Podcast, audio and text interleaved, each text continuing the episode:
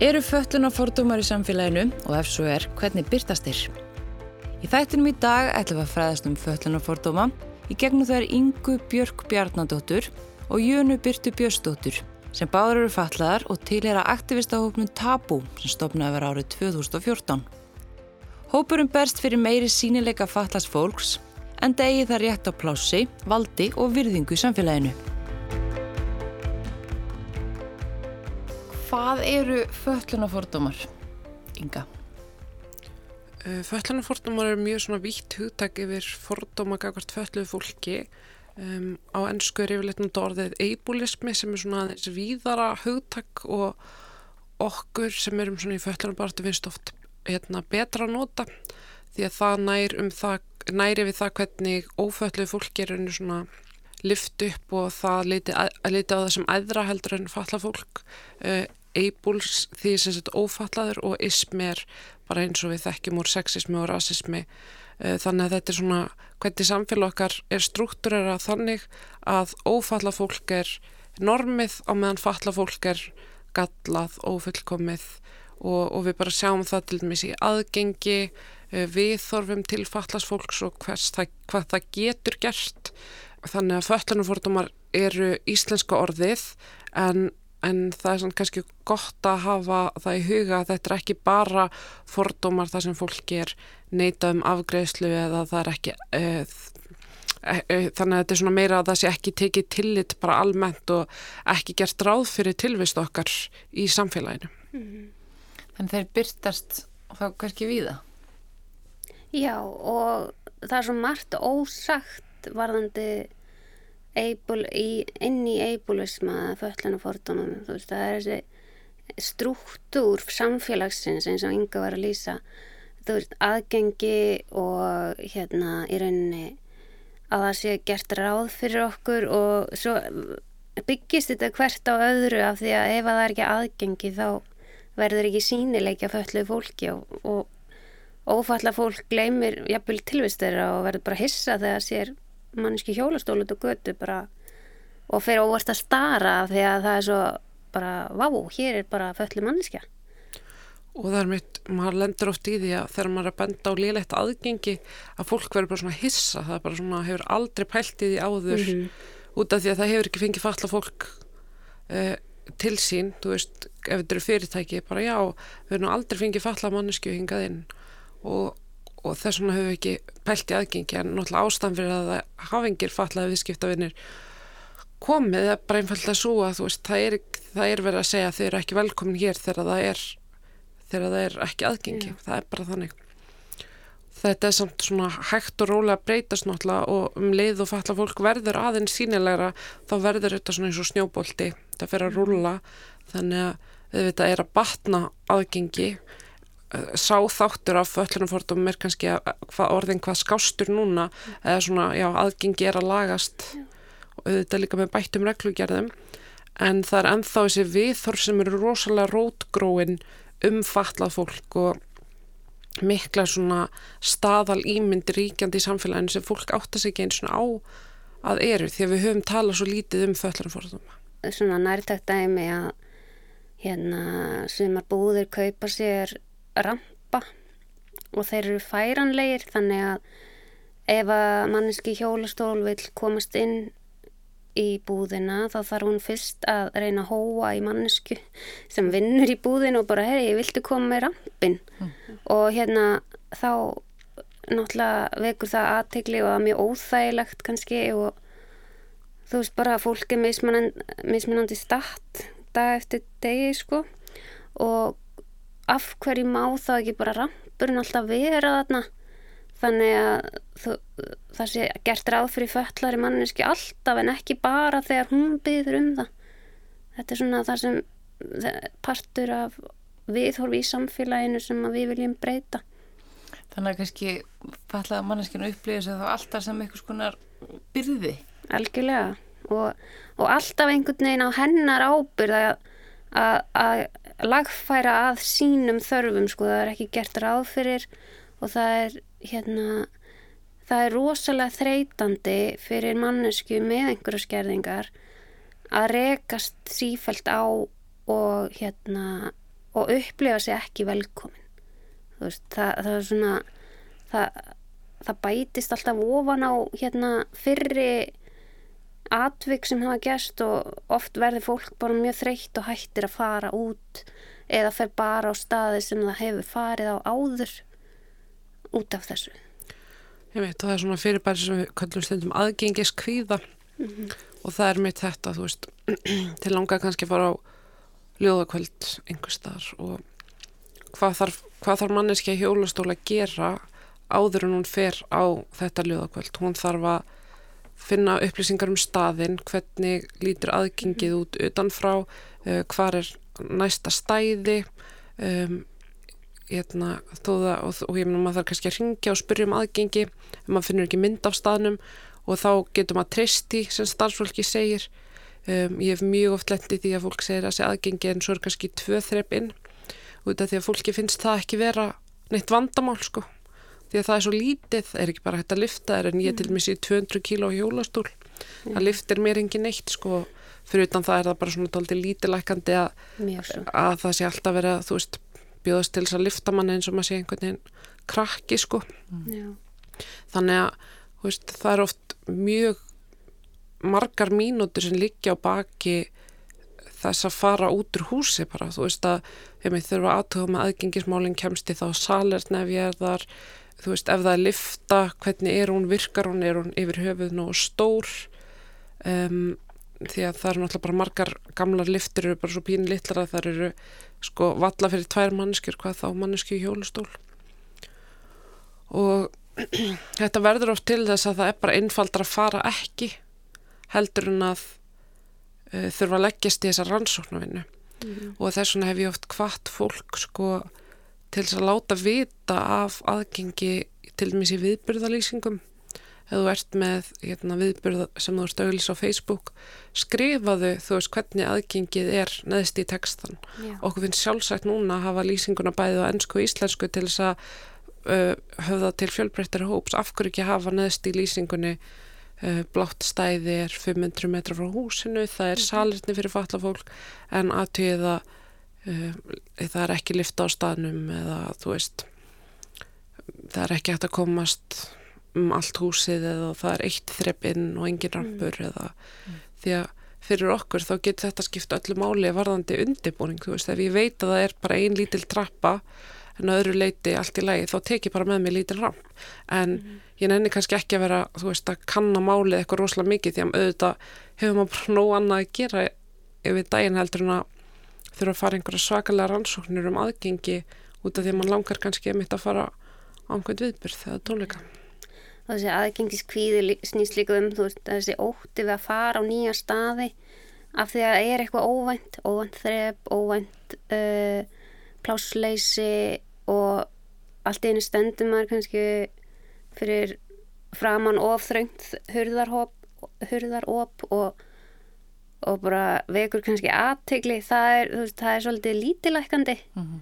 þú veist bara já ok, ég fer þá bara heim það er mjög erfitt já maður verður stundum aldrei þreyttur á þessari senu sem er, mm. þú veist, verður í kringum hann og það er held ég það sem, þú veist, fyrir, fyrir almenning er þetta einhvern veginn svona opnar augu þeirra og þau verða rúslega sjokkaruð og, og getur við einhvern veginn rætta þessu er ekki engangur á bakvið og stundum mamma bara ekki, þú veist, einmitt þegar þetta hlæðst upp þá er maður stundum bara ekki stuði til þess að lenda í svona uppákom þú veist, þegar maður er kannski búin að upplifa, þú veist, sambarilega atvik oft í þeim mánuði eða mm. verða fyrir einhverju fordómi, þú veist, þá hlæðist allt svona upp, sko. Og það væri svo auðvelt að laga þetta með bara viðhórsbreytingu hjá fólki sem kemur að ja, byggingamálum, atbyrðastjórnun og alls, allir slíku. Mm -hmm.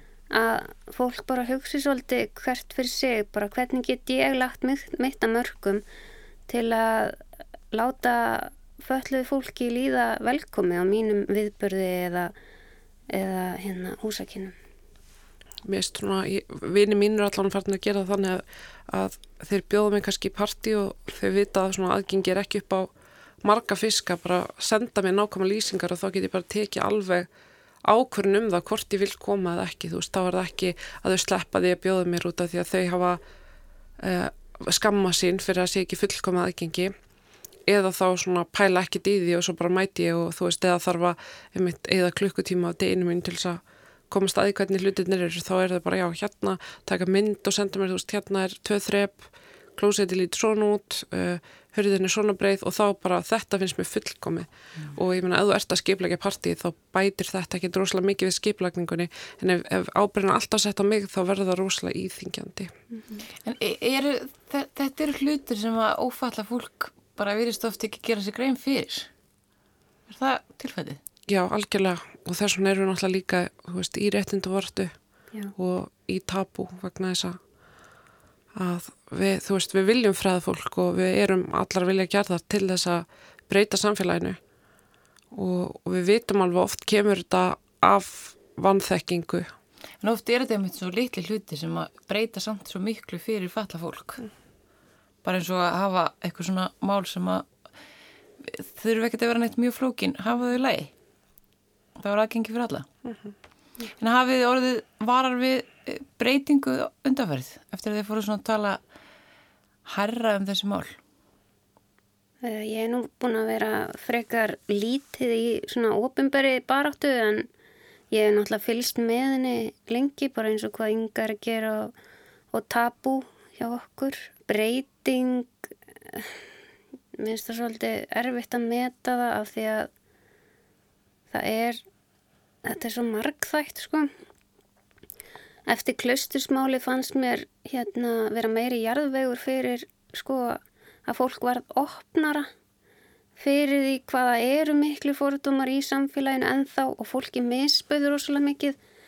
Og þá treysti ég mér til að opna mig meira um hérna, fórtuma á þú veist sem ég hef orðið fyrir á mínu skinni Ég hef fundið mikinn skilning frá samfélaginu líka eftir þetta hræðilega mál en ég verða við ekki að ég sé ekki, ekki mikla breytingu á þessum tíma sem að ég hef verið hvað mest í réttindabaratu. Sko ég er búin að vera frekar lengi í réttindabaratu um, svona tíu ár eitthvað svo les og frá því þá, frá því að ég var svona 15 ára, þá finnst mér að hafa orðið mjög mikil hugafarsbreyting hjá allavega hjá yngstu kynsluðin, ég finn alveg mjög mikið fyrir því og og þú veist, hvað var það sko að ná að uppræta þetta viðþorfum og fatla fólk sé óæðri að það sé ófullkomið, að þetta sé verstu örlög sem einhver geti hugsað sér. Um, en auðvitað gerast alla breytingar rosalega hægt en ég samt finn mun sko á svona viðtökunum við því sem ég er að segja það var alltaf bara rosalega mikil þögn.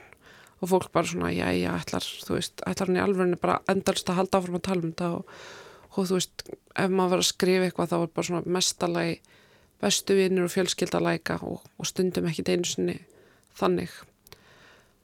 En svo allt í einu eru bara þú veist frægir tónlistamenn farnir að sína stuðning og þú veist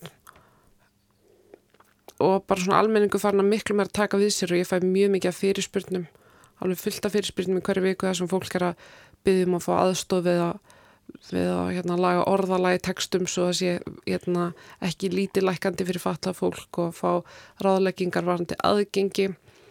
Og ef ég bendi til dæmis á einhver staðu sé ekki með aðgengi og það væri auðvelt að laga það þá er fólk neykslað, það var aldrei neykslað það var bara svona ægilegilegt mm. en við hverju býstu þú mm. þú getur ekki labbað þú, þú kemst ekki inn og það er bara þannig. Og sömum hlutum verður ekki breytt, þetta var svona viðþorfið þegar ég var úlingur sko.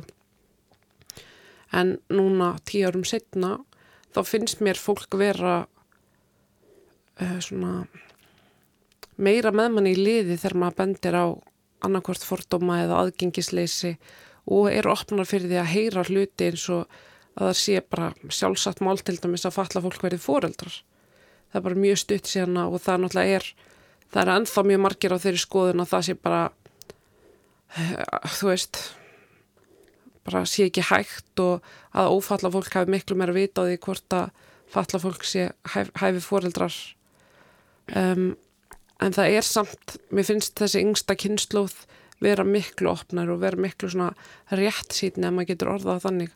Tilbúin til þess að hlusta á það sem maður hefur að segja á okkar forsendum, ekki því að það er doldið mikið svona sérfræðinga um, hvað, hvað getur maður að kalla það svona stigveldi, þú veist. Um, fatla fólk hefur ekki vit á sínum einhvern veginn veruleika og sínum hagsmunum, það eru það eru fagstjættir, þú veist, þroskaþjálfarar uh, uh, hérna, félagsáðgjafar yðiðþjálfar, sjúkraþjálfar, læknar. Þetta er allt aðilar sem eru með svo mikið háskólanum á bakinu sem algjörlega ógildir okkar þekkingu. Og þú veist maður hefur upplegað það trekk í trekk sem bara að einhvern veginn upplifun manns og þessi reynsleimur er þurkaður út út af því að hún samræmist ekki hugmyndum uh, sérfræðinga. Mm. Og bara eins og þetta þú veist, ég man eftir að hafa tekið þátt einhvern tíman í rannsókn og ég var spurð hvort ég hefði, eða hvernar ég hefði fyrstur í löði eineldi og ég sagðist aldrei að vera löðið inneldi og, og það bara svona kompinu fát á manneskinu sem var að taka viðtali vegna þess að hún gerði ekki ráð fyrir því að barn með svona mikla föllun eins og það var sagt um, og ég hef nota hjólustól frá því að ég var fjárara að þú veist það var ekki gert ráð fyrir því að ég væri bara mjög félagslega sterk og vinsæl í mínum bekk og út af því að það var bara einhvern veginn litið á mínu tilvist sem harmleik, þú veist. Þannig að fagaðli. Já. Tala, já. Mm -hmm. já, ég tek undir það að, að hérna yngri kynnslóðir sem að ég hef kynst eru allavega opnari fyrir þessum fjölbreytileika og hvað fjölbreytileiki gefur okkur sem samfélag bara mikið. Uh, ég hef svona átt erfiða reynslu með ímsu fáfólki sem er örgulega alltaf vilja gert en til dæmis varandi svona að smíða stóðtæki og slíkt að hérna líka minn verðist vera það af, afbreyðilegur að ég hérna fitta ekki inn í hérna einhverja formúlar oft hjá stóðtækifræðingum þannig að síðast þegar ég fekk hérna nýjan hjólastól að þá hérna fannst stóttækifræðingnum mjög erfitt af mælan af því að ég var svo afbríðileg og það var allt svona erfitt að, að láta hann passa sko. Þannig að ég uppliði mig rosalega svona einhvern veginn útundan og svona skrítna samt hjá manneski sem átt í rauninni að aðlaga minn líkama að sér einhvern veginn og þetta var einhvern veginn svona þannig reynsla að manneskja sem átti að sína mér umburalindi og umhyggju gerði ákvörðat andstöðuna og let mjög líða sem eitthvað afbreyðilegt og þetta er náttúrulega allt eins og Inga sagði, þetta er fólk í valdastöð og það hefur alveg ótrúlega, veist, orðin þeirra hafa mikil vægi fyrir svona, hérna, fyrir föllu fólki. En mér langar bara svolítið að við og sérstaklega fatla fólk taki bara svolítið völdin tilbaka ef að þið spái í því þú veist, ég veit hvað er best fyrir minn líkama að ég er í honum bara alla mína æfi, alla klukkutíma sólaringsins, bara hér. Og ég þarf ekki einhverja fagaðala til að segja mér hvernig er best að sitja eða hvernig mér myndi líða best. En hérna ég samt ber verðingu fyrir þessari starfstjætt og öllum þessum starfstjættum að því að auðvitað vilja þau það sem best fyrir mann. En það gleymist oft að við erum í þessum líkumum okkar alltaf og við hljótum að fá að hérna, hafa þá að segja okkar orð eru þá kannski gildar heldur en þeirra til hérna hvað segir maður, hérna, ráðfæringar. En e, þið eru báðar, e, þurfum við að notast báðar við hjálpatæki. Hafið þið verið sérst, glýmt við föllin alla efið, er þetta, hvernig er svona ykkar saga? Já, alla efið hjá mér. Já, ég er hérna með erða sjúkdóm og hérna fyrir hjólustól fjara ára. Já, ég er með beina sjúkdóm sem að hérna Þannig að ég byrjaði að nota hægjur sex ára og uh, ég svolítið, hérna, skipti svolítið á milli hægja hjólastóls og hérna göngugrindar og kannski skemmtilegt að segja frá því að viðhorfin eru mismunandi eftir hvaða hjálpatæki maður notar. Eh, ég fæ minnst af fordómum þegar ég er með hægjur af því þá geti alveg eins verið að ég sé bara fótbrotin eh, ég fæ eða mest af fordómum þegar ég er og svona hérna já, vanverðingu þegar ég er í hjólastól.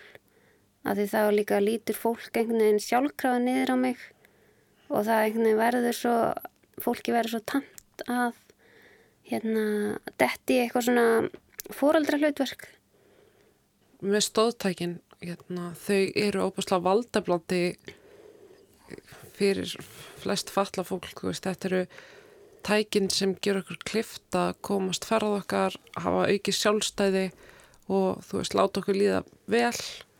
Og ég, byrna, ég mann bara eftir þú veist frelsinu sem ég uppliði þegar ég fikk rafmaksjólustól í fyrsta skipti. Þurfu ekki að vera blöytur og skítur á höndunum og, og ég er sérst með vöðvarýrnun þannig að mér fyrir aftur ég verð móttlisari með tímanum. Og þurfu ekki að byggja þú veist vinn og fjölskyldum að keira sig og þú ert í sumafri og, og þú veist pappiðin er að drepast þegar hann búin að vera ítar upp einhver ógisla langa brekku þú veist allt fríið. Og þú veist þá var maður bara ég, mér leið bara eins og ég geti lapp og þú veist, mm. þetta var bara svona bara flögum allt og var engum háð og gæti bara verið eins lengi úti og ég vildi og þú veist bara algjörst hjálpstæði en samfélagi lítur ekki þannig að hjálpa þetta ekki samfélagi Nei. lítur að það sé bara svona hræðilegt að verið hjólastól og hræðilegt að þurfa að nota hjálpatæki og, og ég held að þetta verði til þess og ég veit þetta verði til þess að margir neyta sér um að nota hjálpatæki sem gæti létt um lífið mjög mikið yeah. bara út af því að samfélagi lítur um eitt öðruvísi á fólk sem nota stóðtæki. Já, það var einmitt þannig í mínu tilfelli að ég var mjög lengi með hækjur og bara hækjur. Ég neytaði að hérna, einhvern veginn fannst mér að vera ákveðin uppgjöf að fá mér hérna göngugrind þó það væri miklu örugara fyrir mig og þægilegra fyrir axlirnar vegna þess að mér fannst að hérna, þá væri ég komin á eitthvað svona meira föllunar stig og að samfélagi sæði mig þá sem meira fatlaða heldur en ég uppliði mig sjálf að því að auðvitað sko einu skiptin sem mér finnst ég vera fölluð og hérna í einhverju neikvæðu samhengi er þegar að, aðgengið er slæm þegar ég fer til uh, læknis eða þegar ég var fyrir fordómum. Þetta eru einu skiptin og það verður alls ekki á hverjum degi. Þannig að hérna, mér fannst ég einhvern veginn verið að bjóða upp á að verða fyrir meiri fordómum þegar ég uh, hérna, hugsaði um að fá göngugrind.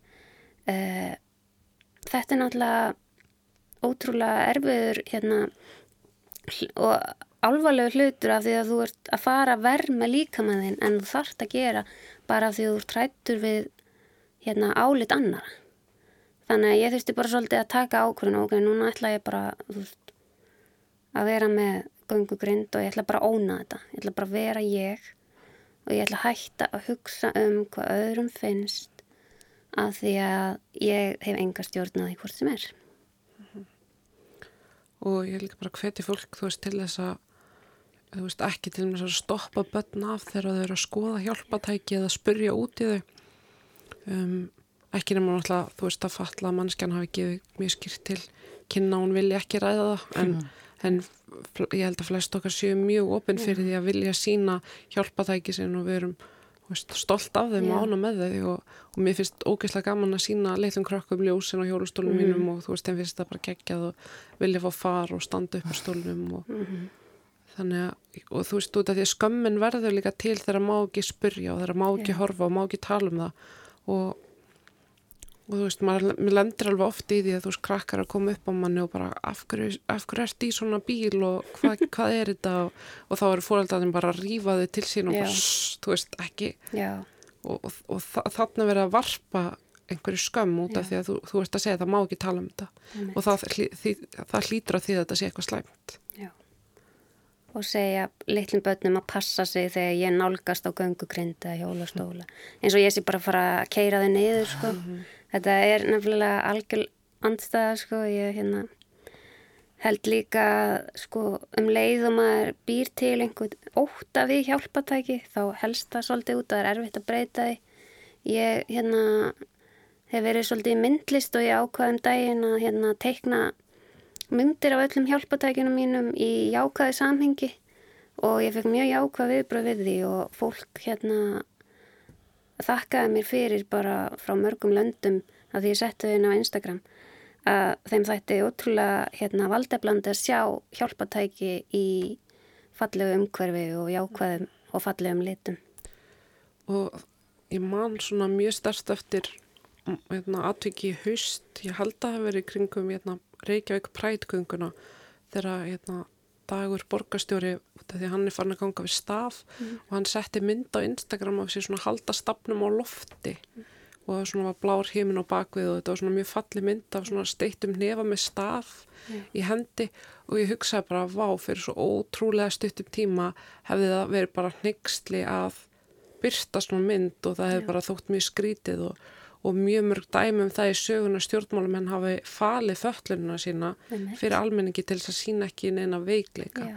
og fyrir mér var það bara mjög valdeflandi að sjá þetta og bara einhvern veginn svona að einhver væri ekki að skammast sína að reyna að fela þú veist sem væri svona hátt settur í samfélaginu og, og, og þú veist hjálpatæki eru svo frábær og þú veist þetta er bara einhvern veginn svona dýrmætasta mm. sem maður á það eru hjálpatækjumanns. Já, ég get ekki stund að vinna án minna hjálpatækja eða þú veist, þá væri maður hérna, þannig að þau eru alltaf til að bæta lífi viðkomandi og að líta á hjálpatæki sem eitthvað slæmt, þú veist, það er kannski það, það gengur bara ekki upp af því að, þú veist, jújú, jú, ok, ákveðin skilningi er, það er náttúrulega ekki gaman að þurfa að nota hjálpatæki þú veist, ef, ef þú vilt vera eitthvað hérna algjörlega grundigt með þetta.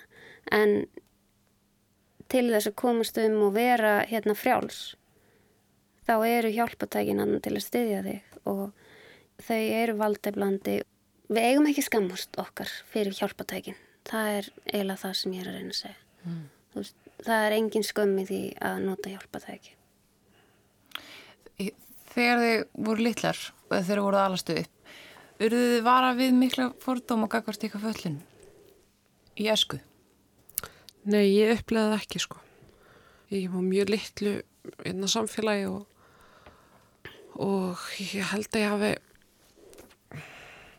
ég held að ég hafi aldrei átt að mig almenna á því að ég væri föllu sko uh, fyrir bara að ég var svona úlingur.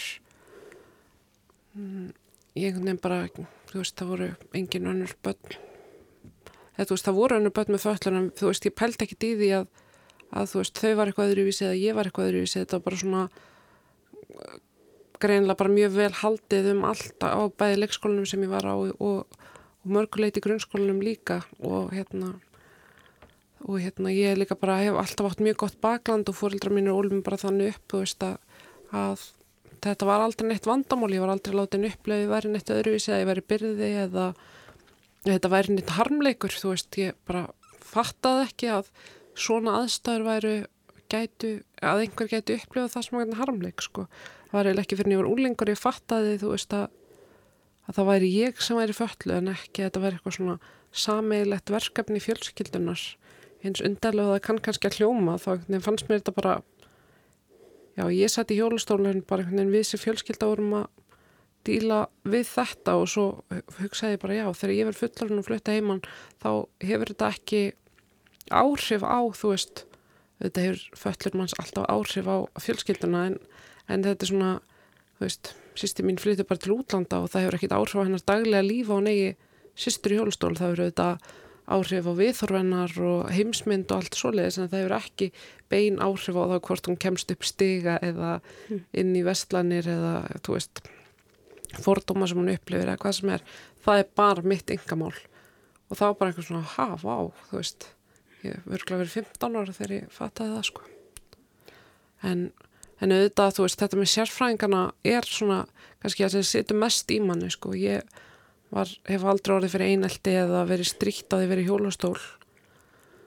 En þú veist, það eru svona atvik úr æskunum mann sem að svona situr á móti læknum eða öðrum sérfræðingum sem það sem var varpað svona ákveðinu skömm á mann og maður látið finna fyrir því þú veist að maður væri svona óæskilegur og þú veist og, og verið svona að spurja fóreldra manns fyrir fram á mann hvort þið var nú ekki alveg ofbúslega þreytt og, og mikil svona áhersla að senda mig til, eða þú veist ég upplega þannig og þetta veit ég kannski núna betur að það var ekki hugmyndin en svona senda mig einhvert annað þú veist í sumabúði fyrir föllubötn og til stuðnísfjölskyldu og, og þó ég hef alltaf notið þess að vera þá, þá uppleiði samt alltaf að vera verið að þú veist bjóða mér upp á þessa valkosti til þess að gefa fórildrum mínum frí út af því að mér var sagt frá kerfinu að þau voru rosalega þreytt og að sískinni mín, eða sýstu mínar þurftu pásu og þá auðvitað segir bara já, þú veist, þú veist ekki endilega að setja þína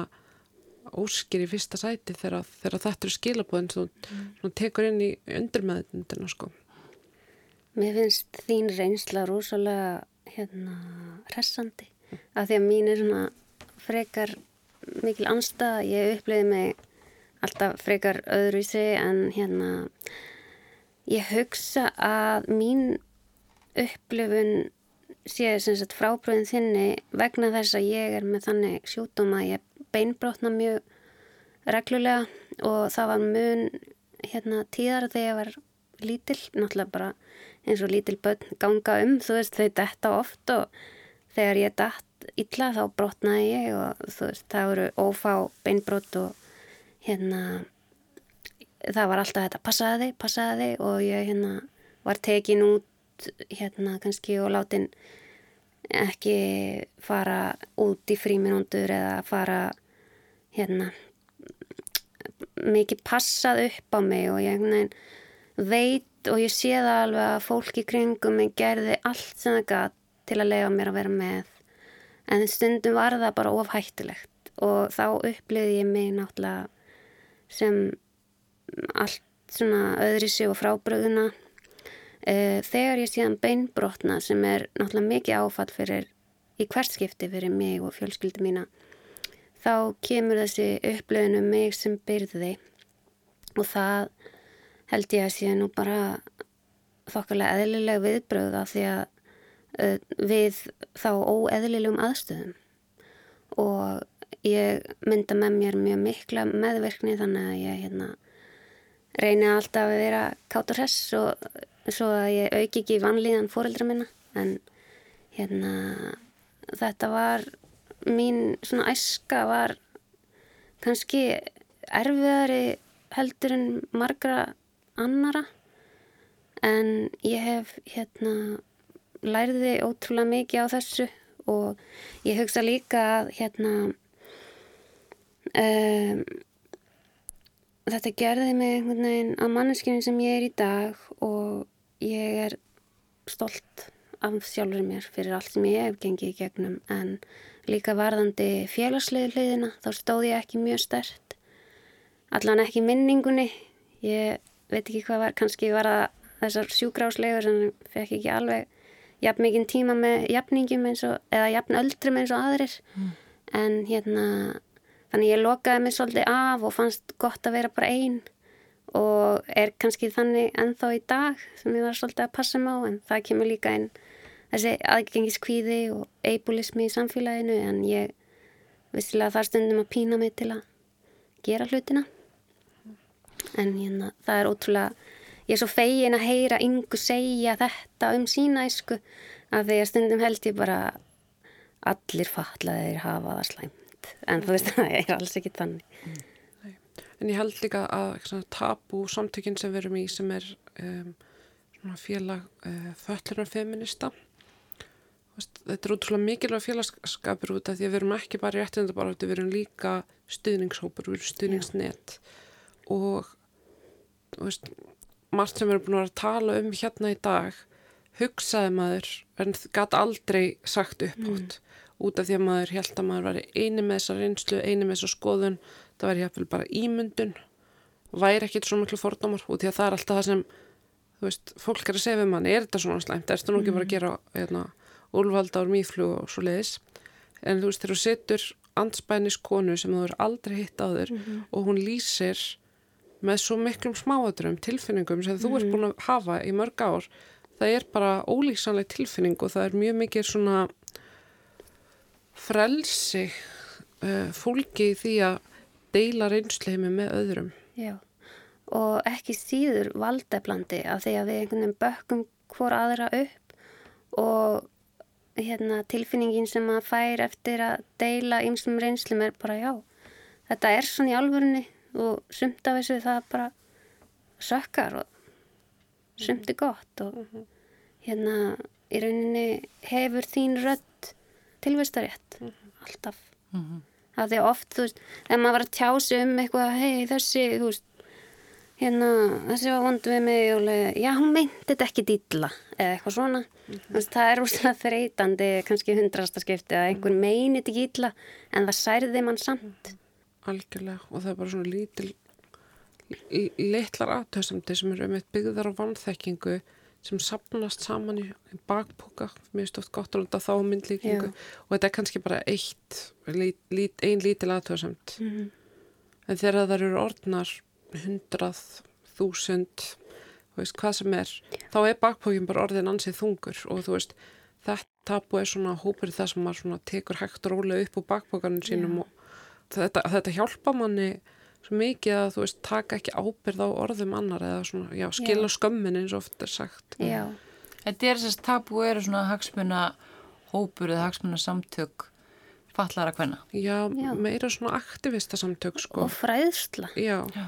þannig að það hafa verið námskeið það sem að verið, þú veist, að bjóða fatlar og langveikar konur um, velkomnar og bara svona, þú veist, útskýra fyrir þeim bara hvað föllunumfordumir eru og þú veist, og það er opna náttúrulega augu rosalega margra sem hafa kannski ekki lift sér að, að tala um það sem hafa orðið fyrir, þú veist, eins og bæði bara eh, hendi kerfisins og líka samfélagsins.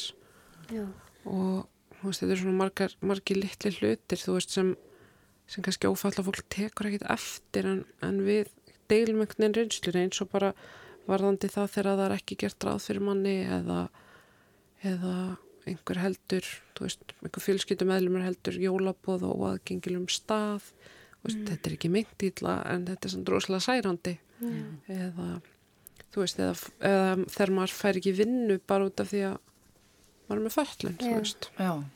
þessi margþætta mismunin er líka tekin fyrir í tabú eins og þú veist, konur og fatlaðar konur liggja hérna það er svona auðveldar undirhauki ímsum í samfélaginu.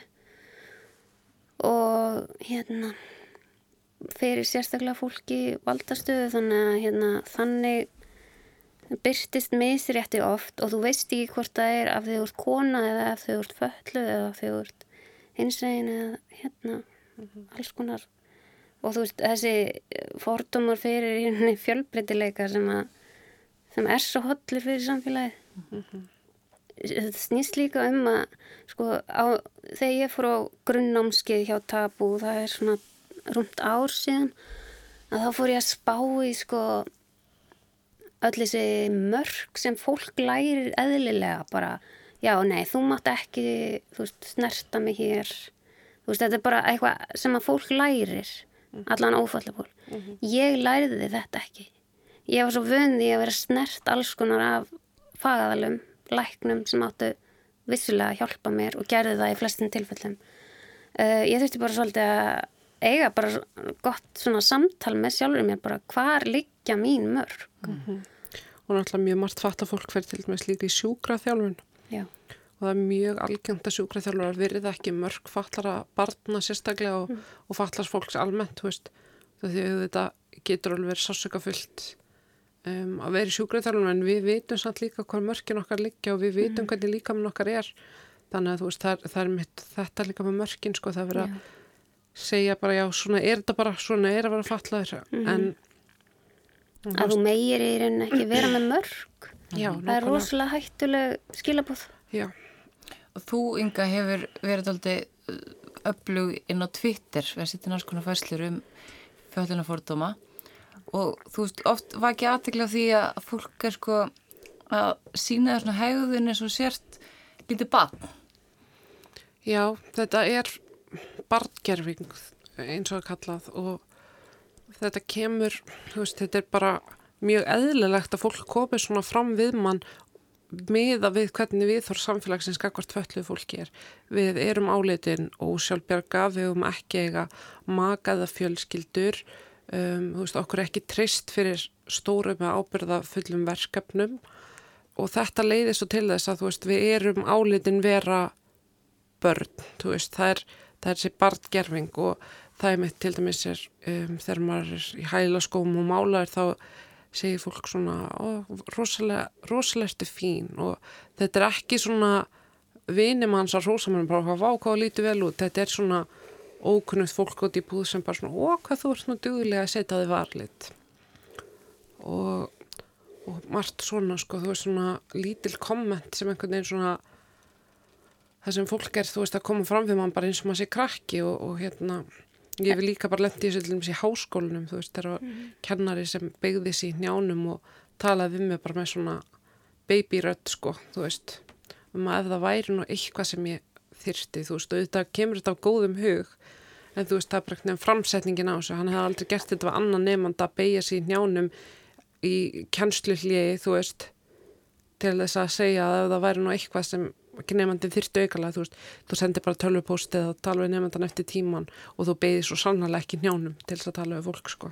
Líka þegar maður er hérna búin að fá svona mörg rós fyrir eitthvað sem á ekki að vera óeðlilegt, skiljuru mm. eða eitthvað sem er bara venjulegt fyrir mann sjálfan e, það tekur svolítið hérna intakið úr rósunum þannig að ég oft heyri ekki hrós mér finnst erfitt að taka þeim Já. og hérna ég trist þeim ekki ég er alveg sammála sko þannig að ég er svona, hvað er hann að meina þetta ég meit út af því að þú veist ef ég er snirtil til fara þá er ég ekkit að vera neitt öðruvísin aðrar 25 mm. ára gamla konur þú veist, Akkurat. sem eru í vinnunni eða hvað sem er veist, það er verið að hrósa manni fyrir sjálfsagt hluti, veist, það veri bara já, byrð þú bara einn bara já, þú veist, það reyndar býja með kæristun minni og þá fólk bara, já, ok, bara, ha, þú veist, skilur ekki neitt mm. einhvern út af því að það er bara gert ráð fyrir að falla fólk sé bara lokaðin og stopnunum og horfa sjómarspjallan daginn, þú veist. Og, og er það ekki svolítið oft viðhórið? Bara... Já, rosalega mikið, sko. Mm -hmm. Mér finnst fólk oft bara að fá sjokk, þú veist, þegar þú veist að ég, það, það, því fólki finnst óþælt að ég sé meira svona successful heldur en það, út af því að ég, þú veist, er í sambandi og á íbúð og er að klára einhvern veginn mestranám á undan, þú veist, jafnöldur mínum, þá er það bara svona Já. þú veist, býta áttir þú ekki þú veist, í hjólustól, hvernig gerir þú þetta, þú veist, það er svona Fólk er í endalusum samanburði við hvort annað. Svo kemur maður og einhvern veginn fólk er fyrir fyrirframbúið að ákveða já, þessi er nú lægra sett en ég uh mhm. -huh. og svo kemur með einhverja því líka ferilskra og það bara, nei, heyrðu og þú veist til dæmis þegar ég er sækja vinnur þá læti ég ekki vita ég sé hjólastólu mm. því ég veit að myndi bara þurka út alla þá bara frábæru reynslu, mm. starfsreynslu og mentun sem ég hef og þetta er fólk að bara já, hún er hjólastólu og þar alvegandi þú veist, mm. er þetta ekki hæfmanniske til þess að sinna starfinu og það er alveg mjög mörg dæmum þetta og fatt að fólk er ekki venda af lögum gegn svona mismun konur eru það en ekki falla fólk Hvað er það bara umsögnum ekki svaraði það? Já, þá er maður bara þakkað fyrir að sína áhuga sko og, en svo er maður hérna undantekningalist bóðar viðtala ef maður er, setur ekki það maður sé hjólustól með sko. -huh. Já, en stundum sagt í viðtalinu líka, já ég hefði ekki bóðið þér í viðtalið að ég vita að það væri hjólustól. Þú mætt slíku viðhorfi? Nei, ég bara kannast við já. það. Já. Ég hef heyrt nokkrar konustalum. Þú sagði mig frá því að þegar þú varst að ákveða uh, þinn starfsferil mm -hmm. þá ákast hann sérstaklega með tildi þess að, að þú gætir í rauninu komist á starfstæðin hvernig var það? Já, uh, ég hugsi að það hafi verið mjög hérna svona fullorinslegur úlingur eða má segja þannig, ég var strax farin eitthvað um fermingu á hvað ég ætla hann að verða svona fyrir alvöru. Uh, þegar ég var síðan í tíundabökk þá fóru við hérna starfskynning á sjúkrás það sá ég starfsvettvang lífeindafræðinga og ég sá mig alveg í þannig starfi og sá alveg, já, heyrðu, þetta er bara fínt fyrir mig.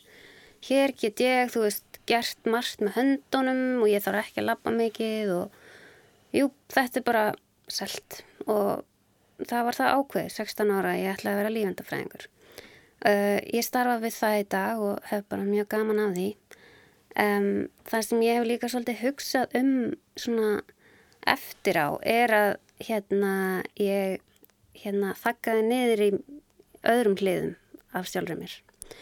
Meðal annars þessari hérna listsköpunar hlið sem er mikill partur af mér í dag en var það ekki þarna því að mér fannst það ekki nógu sniðugt eða nógu örugur starfsvettvangur en Inga hefur nú annað að segja. Já, en ég skil þess, þetta mm -hmm. sjóna mig rosalega vel og þú veist það er þessi öryggisfíkn út af Já. því að þú veist, maður, maður upplifir kannski þetta öryggisneitt sem á að vera í samfélaginu sem grípur mann, þú veist, það fylgta fólki sem ómentar sig í, í ópraktískum, veist, störfum og er svo atunlust og veist, samfélag grípur fólk í alls konar aðstæðum en mm -hmm. maður upplýður þegar maður er með föllin og maður svona, ok, þú veist ég er bara pínu hérna á einn fótum og ef ég stend mikið, þú veist, er ég þá bara að fara að vera hérna först á lúsar, öruskubótum og hvað mm. ég að gera og þú veist, ég get aldrei gett mér íbúð og vera bæði með belt og axlabönd sko? Já, þetta snýst aldrei um þá og bara öryggi sjálf minn líka, sko mm -hmm.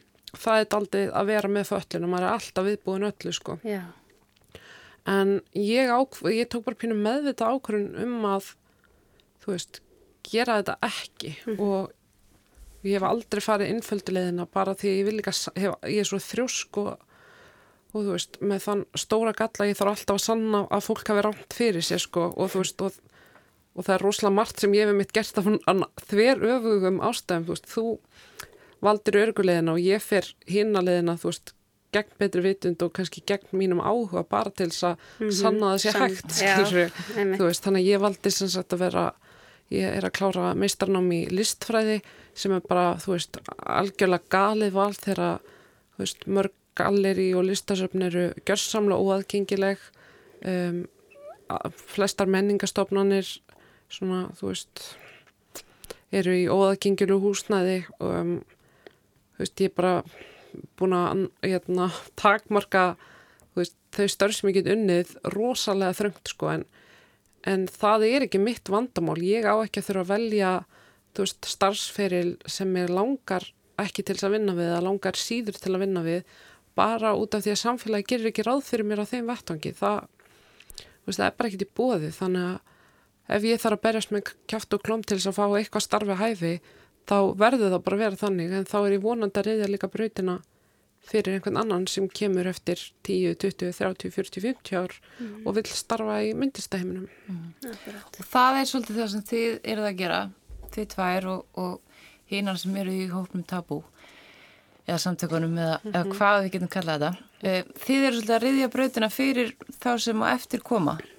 Hvað, hvað geta hvað getur samfélagi gert til þess að breyta sér? Því þið ekki að þurfa að standa uppi og, og breyta öllu, þið eru að benda á leiðir til þess. En eða getur svona komið með nokkrar já, bara svona auðvöldalösni, hvað getur fólk gert? Sko það sem ég held að sérstaklega þeir sem eru að hlusta núna geta gert er að deila til dæmis viðtölum við falla fólk og falla konur sérstaklega það sem það eru að segja frá misrætti og deila sem reynsleimi út af því að við þurfum þessa liftistöng núna, við þurfum að fleiri heyri sögurnar okkar og að, að hérna, þú veist, til þess að einhvern veginn fleiri meitt heyra en að bóðskap sem við erum með um, og, og auðvitað bara hlusta og fara ekki vörd þegar maður er að lýsa fordómum eða einhverju viðþorfi sem mm. verður fyrir því að það er oft fyrsta fyrstu viðbrun og það er kannski alveg eðlert þegar einhver segir við þig bara hey, mér finnst þú vera að nota særandi orðalag núna þegar þú notar uh, orðið til mér sem vangifinn sem er bara orð sem mjög margi nota til þess að gera grína vinnu sínum eða lýsa einhverjum hlutum bara. Veist, ekki fara í vörd þegar einhver leiðrætti þig þegar þú notar svona orðalag eða ert að vera fordómafullur. Þetta er tímpunkturinn það sem ótt að stíga aftur og bara beðast afsökunar og segja bara ég áttaði mikið á þessu fyrir gefðu þú veist ég ætla að gera betur í framtíðinni og við erum öll að lendi í þessu þú veist við höfum öll nota niðrandi orðalaga eða Já. gert mistök í samskiptu annað fólk og þá skiptir svo miklu máli að sína auðmygt þú veist að mm -hmm. og, og vilja gera betur Algjörlega og föllun, orðið föllun er oft notað sem niðrandi og bara að byrja þar að kannski sjá föllun sem ekki eitthvað neikvægt af því að ég uppliði mig ekki eitthvað slæma þó ég sé fölluð en auðvitað er það ákveðin hérna svona skilabóð frá samfélaginu að ég eigi að skinja það -hmm. að föllun sé neikvæð og, og það liggur einhvern veginn hérna hérna grundvallar þetta er svona grundvallar miskilningur sem að liggur í samfélaginu að föllun sé slæm óæskileg óæskileg og hérna beri að útrýma mm. sem er ekki það sem hérna við viljum við viljum fá fjölbreytt samfélag og mér finnst líka varðandi þegar fólk hérna fólk er bent á forduma sem það hérna sínir að það er alltaf, það fer mjög oft í dómhörku mm -hmm. og svarar manni hérna í einhverju hastri eða hérna, verður snöggreitt.